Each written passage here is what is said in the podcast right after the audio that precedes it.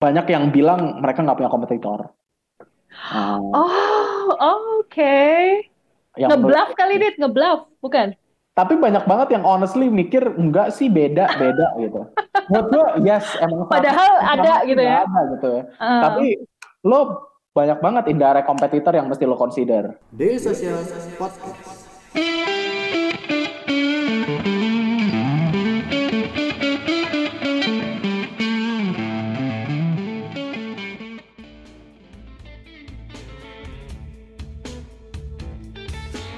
Visi Talk with Daily Sosial kembali hadir dan kali ini kita akan berbincang-bincang dengan Raditya Pramana, partner at Ventura Discovery. Ventura Discovery sama Ventura, apa bedanya tuh, Dit?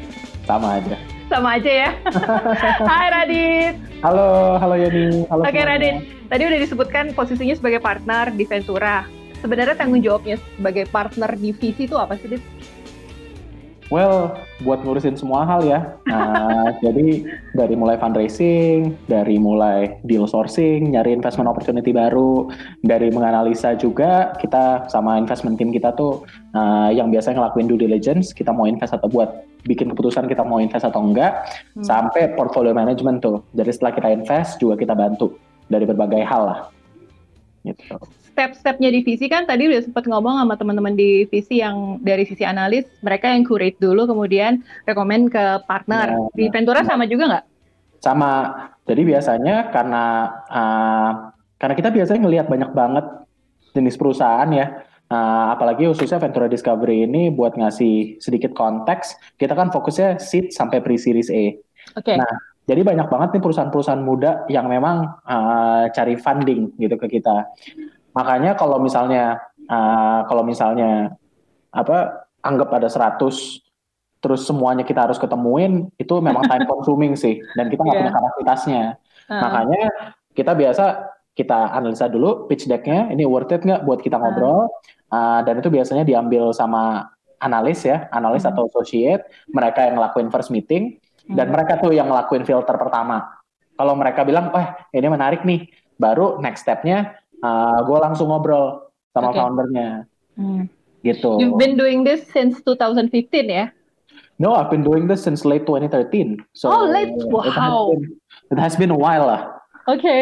Kenapa sih dia tertarik untuk berprofesi dan bekerja di VC? Apa yang membuat Radit uh, kayaknya senang banget kerja di VC?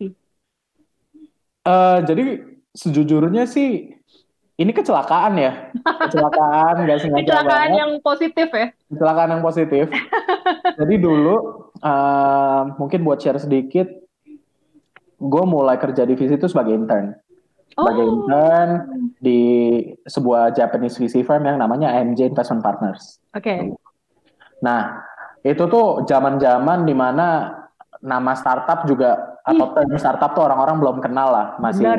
masih banyak bilang ya invest di website wow lo early adopter ya bisa dibilang ya um, one of the first ways lah the first, uh, bukan early adopter lagi gitu. uh. nah mungkin kalau kita lihat sejarahnya kan rocket internet pertama kali yeah. uh, buka Lazada Zalora yeah. itu tuh late 2011 atau early 2012 tuh nah rocket jadi banyak tuh uh, membuat first wave of tech, technology talents lah. Um, dan visi-visi pertama itu tuh juga mulainya dari uh, dari tahun-tahun segitu dari hmm. 12, 2012 2013 dan itu mixnya tuh antara Indonesian VCs uh, dan foreignnya itu tuh Japanese banyak banget Japanese VCs yeah. dan also Singaporean VCs lah and I was working on one of those firms gitu um, kebetulan waktu itu uh, partnernya yang di Indo nyari lagi nyari lagi nyari tim gitu. Lagi nyari okay. tim and mereka uh, nyamperin kampus gue dulu. Oh. Jadi gue dulu masih ngampus. Oh my god masih masih kuliah ya? Wow. Masih kuliah. Uh, kalau nggak salah itu mau masuk semester 6 ya. Hmm. jadi akhir tahun ketiga gue juga emang mau nyari kerja because I need to I kind of like financially support myself. Yeah. um, Nah, kebetulan mereka datang ke Binus and uh, my dean actually recommended me gitu buat ngobrol okay. sama mereka. Um, so I I went on to the interview, uh, really clicked and got offered on the same day. Jadi wow. waktu itu gue mulai di internship tiga bulan lah. Uh, internship tiga bulan. Jadi first three months itu benar-benar dicemplungin, benar-benar dicemplungin. Okay. Lo cari startup deh, cari hmm. Gue sendiri sebelumnya sebelum meeting itu nggak tahu venture capital tuh sebenarnya ngapain. Iya. Uh. Nggak, nggak pernah kan lo diajarin. Gue jadi kebetulan jurusan komputer. Okay. Um, itu juga nggak pernah dibahas sama sekali. Iya. Yeah. Teknologi entrepreneurship itu tuh nggak pernah dibahas di kampus. Venture capital juga um, 99% orang yang gue uh, tahu dulu nggak tahu itu apa. Wow. Nah, jadi pas tiga bulan itu disuruh cari startup langsung, itu tuh benar-benar nyemplung sih. Oh. Gue inget banget first week itu tuh gue just googling stuff ya dulu paling uh, cuman ada Daily Social sama uh, Tech in Asia dulu kan masih ada, udah uh. udah ada tuh. Uh. Um, lihat-lihat startup ada apa aja. Terus gue cold email aja lewat kontak email. Eh, gue dari visi. Oh my god. And, Lo yang jemput bola ya dulu ya? Jemput bola because well I don't know I didn't know anyone kan. Yeah. I didn't know uh. anyone. Uh, uh.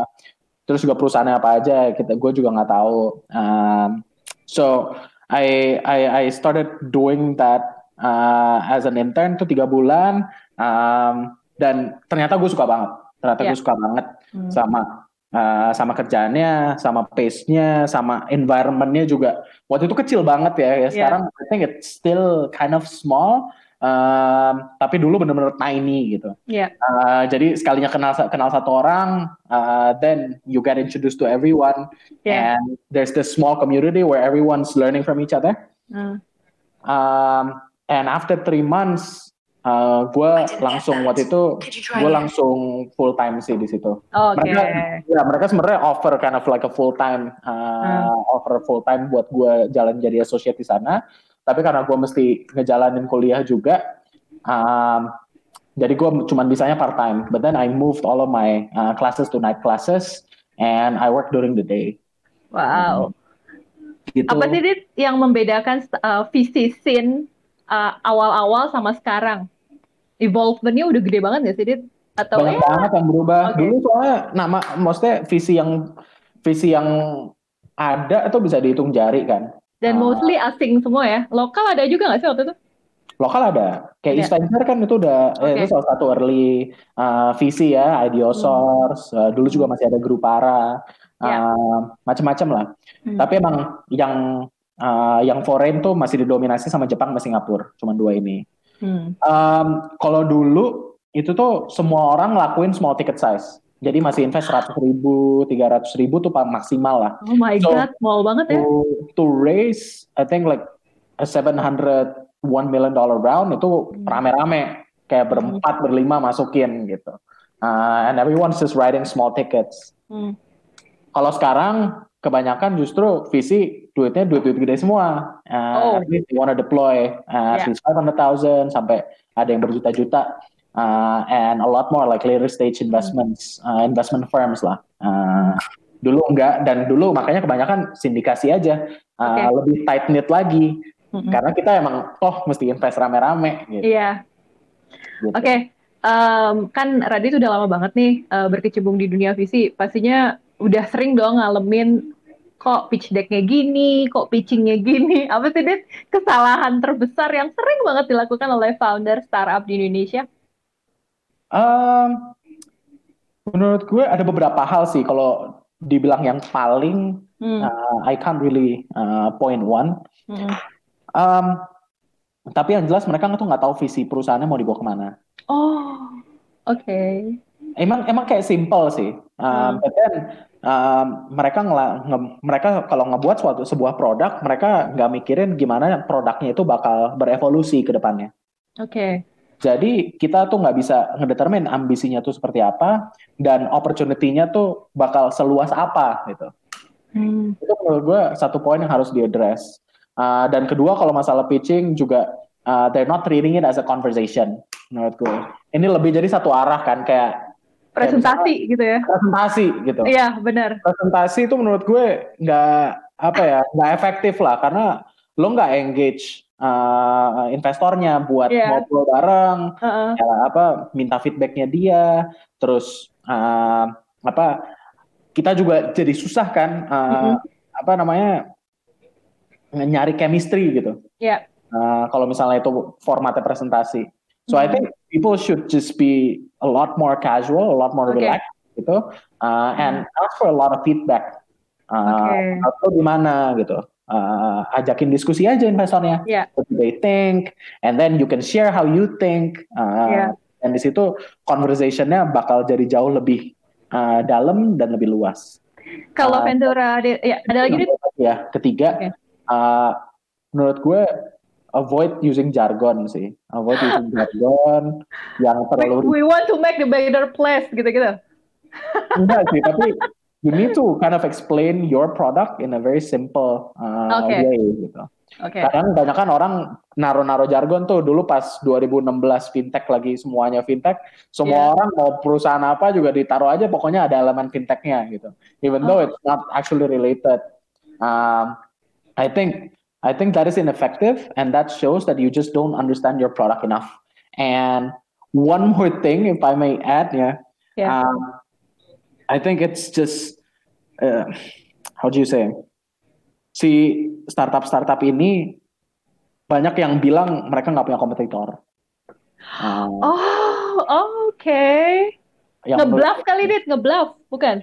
tapi banyak banget yang honestly mikir enggak sih beda beda gitu. Menurut gua yes emang Padahal sama- ada gitu ya. Ada gitu ya. Ah, Tapi lo banyak banget indirect kompetitor yang mesti lo consider. Oke. Um, jadi nggak mungkin tuh kalau misalnya kalau misalnya emang opportunity-nya ini cukup besar dan cukup Hmm. menarik, Hmm.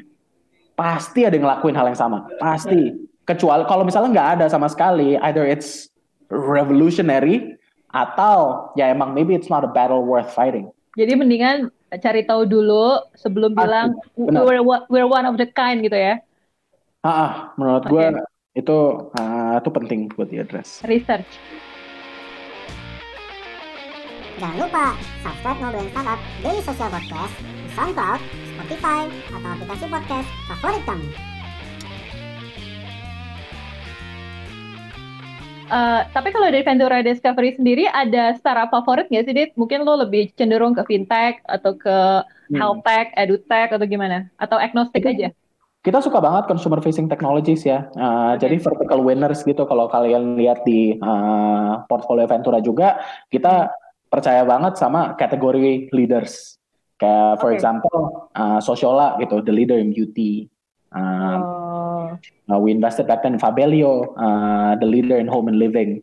Terus uh, grocery delivery, for example. Uh, terus education, ruang guru, fashion, Zilingo, gitu. Jadi kita instead of taking a horizontal approach, kita lebih sering ngelihatnya in a vertically integrated approach. Bicara soal networking, eh, Dit lebih suka di approach sama founder secara direct. Mungkin sebelum pandemi kan banyak banget nih acara-acara kayak eh, conference, seperti exhibition seperti itu. Atau Radit mungkin lebih suka buy online aja deh untuk eh, ngelihat pitch deck-nya. Atau gimana kalau Radit? Kalau kenalan doang pas offline happy tuh ya. Kalau misalnya Oke. kayak ketemu terus kayak ya cuman short introduction gitu nggak masalah. Tapi kalau misalnya panjang juga gue rata biasanya nggak bakal ingat because I'm I was doing different kind of startups kan. Eh, Um, jadi biasanya kayak short intro dan we exchange email terus follow up lewat email aja. And uh, even then ya sometimes ya I was also having some uh, difficulties following up on each and every one ya. Um, nah um, just make sure that it's memorable kind of. Jadi biasanya kalau casual setting gitu, justru gue malah lebih ingat. Kayak misalnya pas ketemu di mana, eh, Hmm. um, jadinya apa ya? Jadinya inget, in, oh ini tuh yang itu gitu. Cuman kalau misalnya cuman datang, mas saya dari ini, itu tuh gue biasanya lupa. Jangan kayak gitu ya. Biasanya gue malah lupa. Oke, karena gue kan sering banget jadi moderator nih, eh, Hmm. ngundang visi atau eh, Hmm. apa gitu. Itu tuh biasanya visi tuh dikerubutin gitu, Radit. Ju- justru karena dikerubutin. Lo gitu, udah kayak salep gitu, Dit.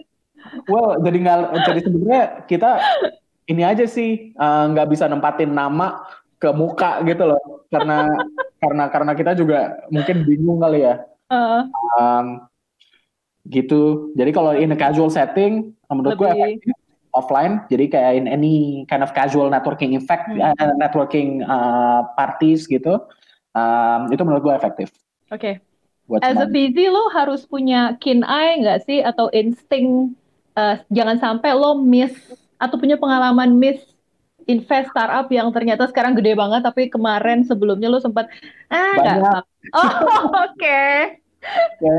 itu gimana dit kalau terjadi kayak gitu dit It happens, right? That's oke I guess like apa ya uh, secara natural memang kita nggak bisa invest di setiap perusahaan yang kita ketemuin. Uh, either it's very competitive uh, with the other investors atau memang kita uh, nggak percaya sama bisnis modelnya. Oh Nah, di sini memang menurut gue penting banget buat di point out kalau misalnya investor tuh nggak tahu semua hal juga gitu.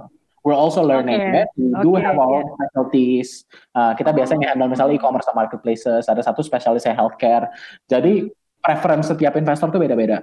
oke Kalau kita misalnya uh, apa nggak ngerti satu investment opportunity, bukan berarti investment opportunity itu jelek karena kita nggak suka. Maybe Oke. just maybe because just because, because we don't understand the opportunity enough gitu. Hmm. And um, if you ask me whether we need uh, that instinct ya buat milih perusahaan mana yang bagus, Hmm. menurutku definitely itu uh, itu elemen terbesar sih menurut Yeah. gue.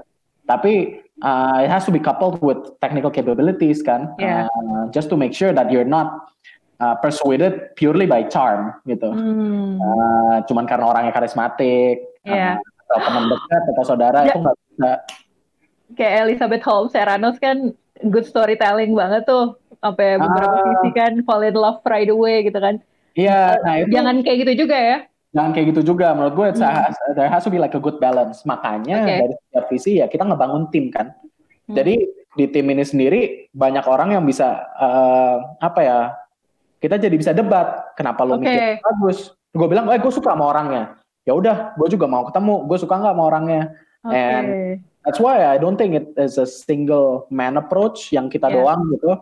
Um, but then it has to be a combination of strong partners in a VC eh, in a VC firm alongside like strong investment team. Um, jadi kesalahan-kesalahan yang kayak gitu um, nggak terjadi ya. Hmm. Tapi if you ask me whether I miss uh, any deal yang gue nyesel nggak invest itu banyak Hmm. banget. Eh, biasanya sih kalau I'm so Yeah. happy with my portfolio so far ya. I think oke uh, just an exa- uh, as an example to our Indonesian viewers, uh, Hmm. kayak I'm very happy being a part of the journey with Ruang Guru gitu since the very beginning gitu 2015. wow Um, Sociola juga and they're now uh, kayak the leaders in their own space. bener uh, banget Tapi juga banyak banget sebenarnya exciting opportunities yang that I could have worked on but Hmm. uh, but yeah I Hmm. didn't choose to. Jadi idealnya eh, investor itu bukan know it all people ya. Eh, founder juga harus meyakinkan bisnis kita, Benar. oke, you have to believe in us gitu kan? Benar, exactly. Uh. So as a founder, uh, there's this element yang di mana lo harus nge-educate investor juga. Betul. Hmm. Karena investor tuh bukan spesialis satu. Karena founder kebanyakan mikir VC is God, VC is everything, VC is know Kita orang everything. Kita orang Nggak juga. juga kan. I mean, we always have our own limitations. Yang kita tahu, kita banyak komparasi. Ya. Ya kan? Kita ngelihat di di startup di space A gitu, misalnya di industri A, kita udah ngelihat Hmm. 10 uh, kompetitornya gitu. So we kind of know what to look for. Uh, but in the end, entrepreneur ini kan yang dia mestinya mikirin problem-problem yang dia mau solve itu setiap hari, setiap detik malah. Um, jadi mestinya dia jauh lebih pintar dibanding kita. Ya. nggak sih? Um, it's in, kalau misalnya kita ngerasa ah gila, kok dia kayak nggak tahu apa-apa, lebih tahuan Yeah. gue gitu. Th- those are not the founders that we want to invest in. We want to Okay. invest in a founder that is just you know very very uh, strong in what they do. Uh, mereka emang benar-benar ngerti dan benar-benar jelas kalau dia tuh mikirin segala hal gitu. Even though the, the, the founders may not know everything, but Mhm. they're figuring stuff out gitu every single uh, minute. Oke. Gue udah beberapa eh, sering ketemu beberapa founder yang bikin gue wow this guy is blow my mind gitu kan. Hmm, Eh, mungkin itu that kind of person yang juga dicari visi ya. benar. Eh, pertanyaan terakhir nih, Dit. Eh, Ya. Mungkin Radit bisa kasih tips nih buat mereka yang mau fundraising. Hmm. Apa sih yang membuat Radit dan tim, ah, this is it, this is the startup that I like gitu.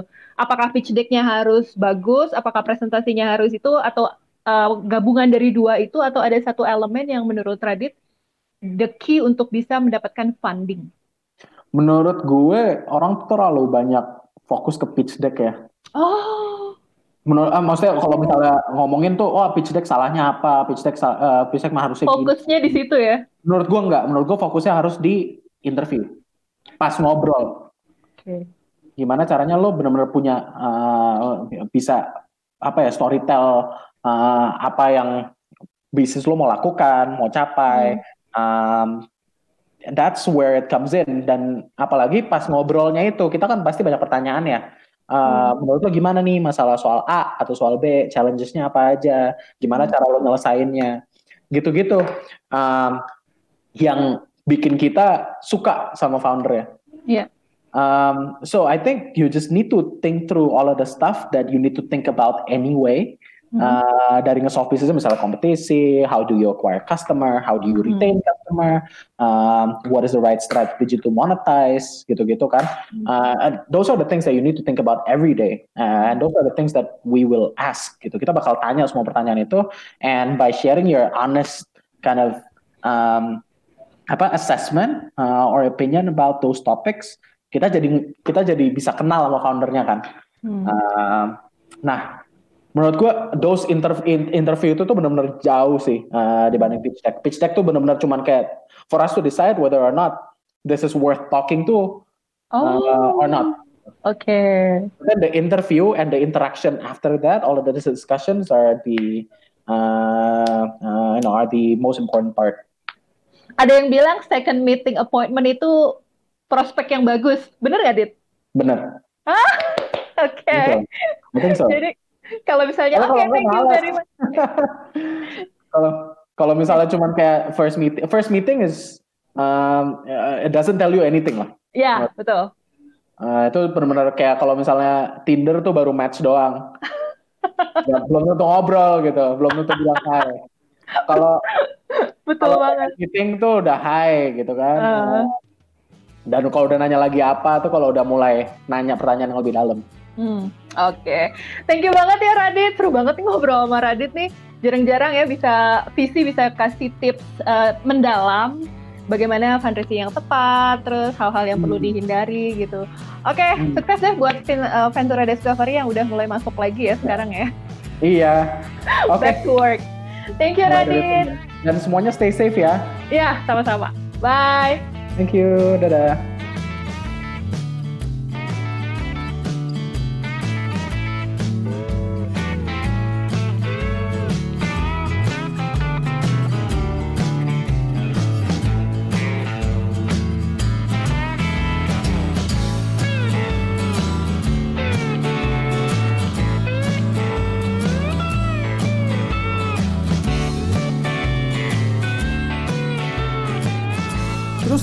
Touch bersama kita di dailysocial.id untuk website kita. Di Facebook kita ada dailysocial.id, di Twitter kita ada @dailysocial dan di Instagram kita ada @dailysocial.id. Di LinkedIn kita ada Daily Social dan di YouTube kita ada Daily Social.